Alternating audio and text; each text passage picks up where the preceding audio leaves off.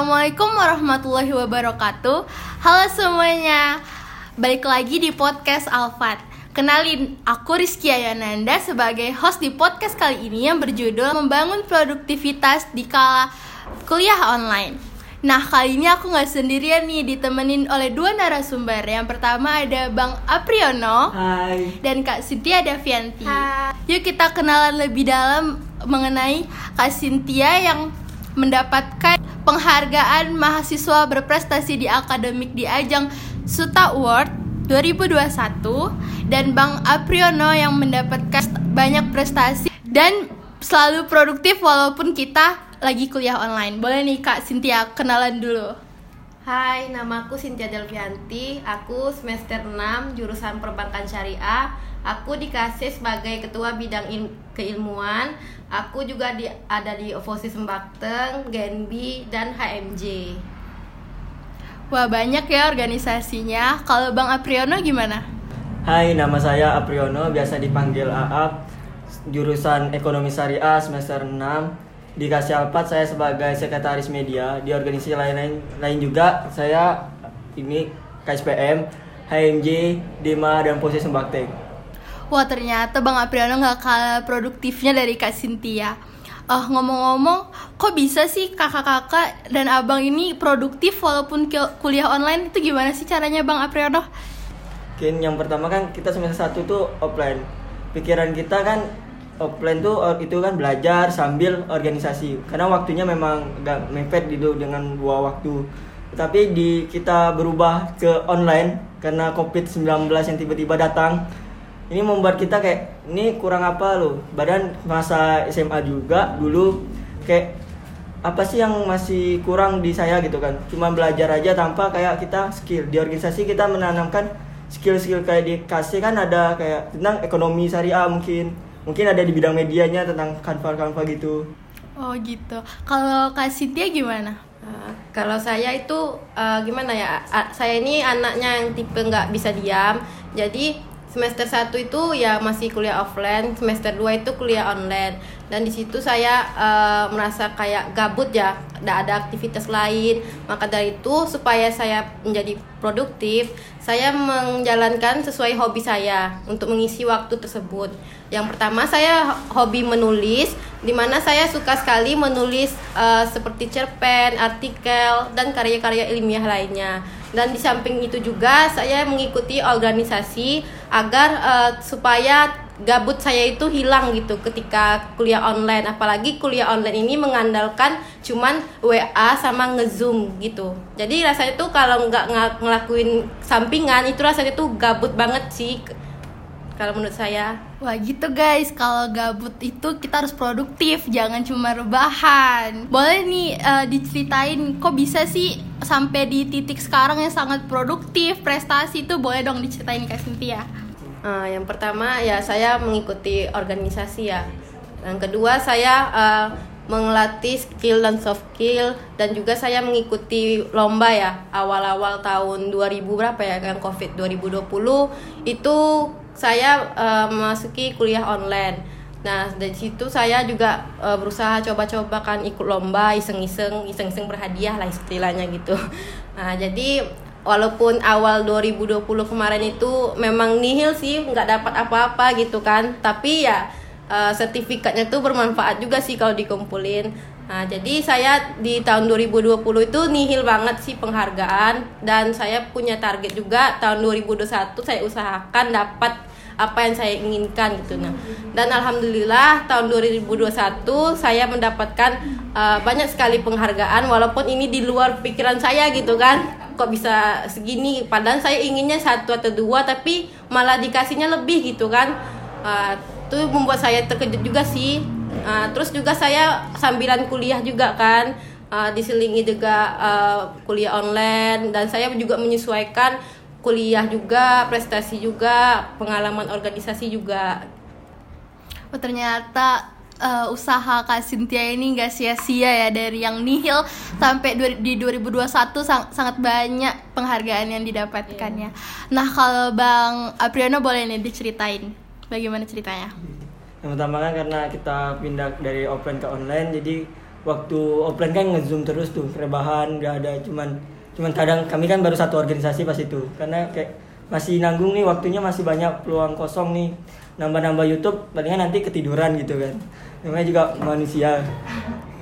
Mungkin nambah satu lagi di KSPM pas itu yaitu tentang saham. Karena saya berpikir gini kalau kita nggak produktif di mahasiswa kayak ibaratnya apa ya nangis-nangis dulu di jadi mahasiswa sebesar nanti kita bisa jadi orang sukses bisa menceritakan kesibukan kita kepada anak-anak kita gitu wah keren nih quotes dari Bang Apriono dari prestasi dan organisasi dari Kak Cynthia tadi ceritain, aku paling tertarik nih tentang Genbi. Genbi itu apa sih?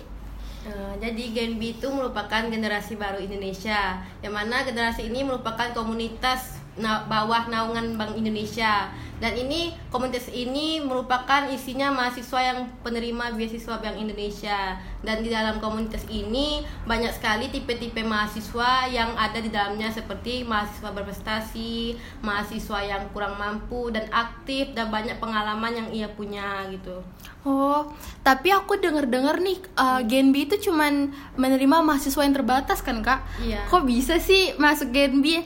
Gimana sih tipsnya? Soalnya aku juga mau pengen ikut Genbi nih. Uh, tipsnya adalah yang pertama ya pertahankan nilai di perkuliahan gitu. Yang kedua kita banyak-banyak aktif di organisasi maupun di mana pun gitu. Karena di Genbi sendiri uh, mereka memprioritaskan mahasiswa yang aktif dan berprestasi untuk bisa masuk ke peluang penerima beasiswa Genbi gitu.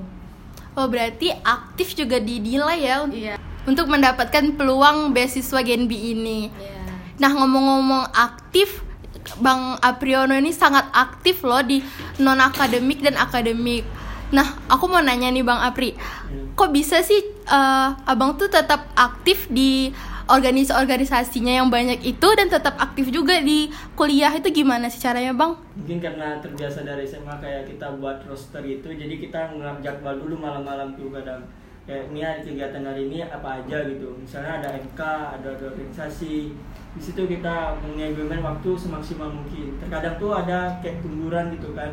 Misalnya dalam eh, ada agenda rapat sedangkan kita ada ujian puas juga. Jadi kita harus mempertimbangkan akademis dulu. Karena yang dipastikan orang tua kepada saya yaitu kita harus lebih mengutamakan akademisi baru organisasi. Oh, itu iya. tujuan utama. Ya yang penting akademisi dulu ya Bang baru yang lain-lainnya mantap sekali. Selain organisasi Bang Apri ini juga mendapatkan beasiswa akademik loh.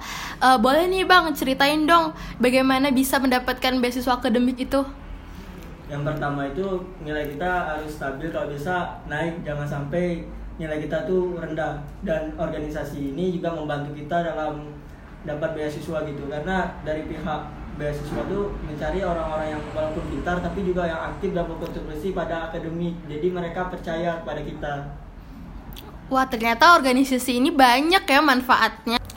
Nah, selain beasiswa-beasiswa yang disebuti oleh Kak Cynthia dan Bang Apri, di kampus kita ini juga banyak loh beasiswa lainnya. Ada beasiswa Bank Indonesia, beasiswa BSI, beasiswa Basnas, beasiswa Tafis, beasiswa bidik misi, KIP dan lainnya. Oh iya, aku jadi penasaran nih, apa sih motivasinya kakak dan abang ini bisa semangat banget untuk men menjadi mahasiswa yang produktif walaupun kita nih kuliah online loh. Itu gimana sih kak? Ceritain dong kak Cynthia. Hal yang membuat saya semangat pertama ya karena dukungan dari orang tua. Yang kedua juga saya belajar juga jadi pengalaman karena dulu saya pernah gagal ya dalam berjuang. Uh, dulu tuh pernah gagal pas perjuangin PTN gitu kan, abis, abis SMA gitu kan di mana uh, saya ini merupakan mahasiswa yang dikatakan pintar gitu kan tapi uh, melihat teman-teman saya yang biasa-biasa saja bisa masuk PTN favorit sementara saya tidak. Nah dari situ saya merasa kayak rendah banget sih di posisi itu.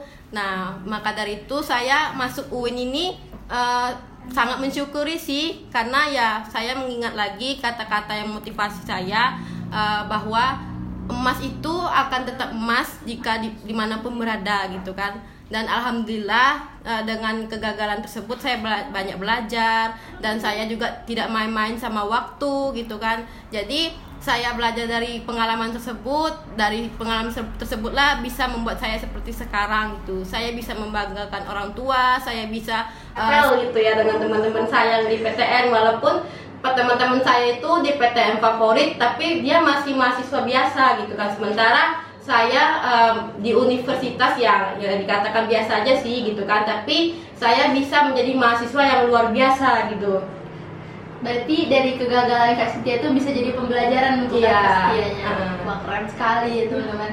Nah kalau Bang Apriona nih bagaimana motivasinya? Boleh dong Bang diceritain?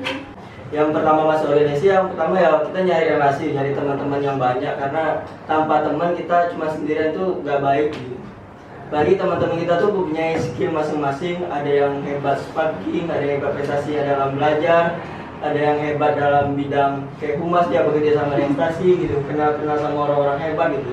Bagi kan saya orangnya cuek gitu kan. Ibaratnya pendiam banget. Saya kan orangnya nggak bisa public speaking ibaratnya cuma kalau di kelas itu cuma diam. Semenjak masuk semua kan ya kadang ke dosen-dosen ada kata-kata yang buat saya harus berubah loh harus keluar dari zona nyaman saya sendiri. Harus bisa kita harus nunjukin bahwa kita ini mampu gitu. Bagi, kayak dikasih misal di organisasi nih kita dikasih amanah sebagai ketua panitia. Mau nggak mau itu harus dijalankan. Apalagi kita harus itu berbicara di depan umum dengan orang banyak. Walaupun kadang di depan panggung itu badan panas gitu kan. Ngepres kadang nggak grogi itu tapi tetap harus bisa disampaikan apalagi skill-skill saya belajar di organisasi yaitu kayak desain tuh. Awalnya emang nggak bisa sih masuk kayak di bidang media. Awalnya nggak percaya bisa masuk bidang media karena nggak punya skill sama sekali. Bertahap belajar otodidak di YouTube belajar sambil belajar akhirnya berhasil sampai sekarang.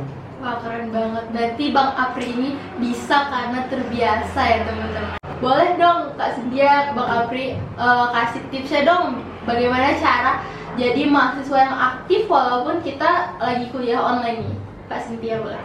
Uh, jadi untuk menjadi mahasiswa yang produktif yang pertama lakukanlah uh, hal yang bisa membuat kalian berkembang gitu atau apalagi kalian memiliki hobi gitu misalnya kalian hobi di menulis berarti kalian bisa uh, membuat karya sebanyak mungkin. Entah penulisan itu seperti artikel atau membuat esai atau membuat uh, cerpen dan sebagainya. Apalagi jika kalian mempunyai hobi misalnya di desain kalian buatlah hobi tersebut. Lalu uh, dari hobi tersebut uh, targetkan bisa dapat feedback untuk kita sendiri. Misalnya dari hobi nulis tadi nih bisa jadi kita ajangkan ke ikut lomba gitu lomba kepenulisan nanti kan feedbacknya kalau juara kan kita juga yang dapatkan apalagi desain juga sama. Dari saya itu menjadi mahasiswa produktif itu eh, kerjakan sesuai dengan hobi atau passion kalian gitu.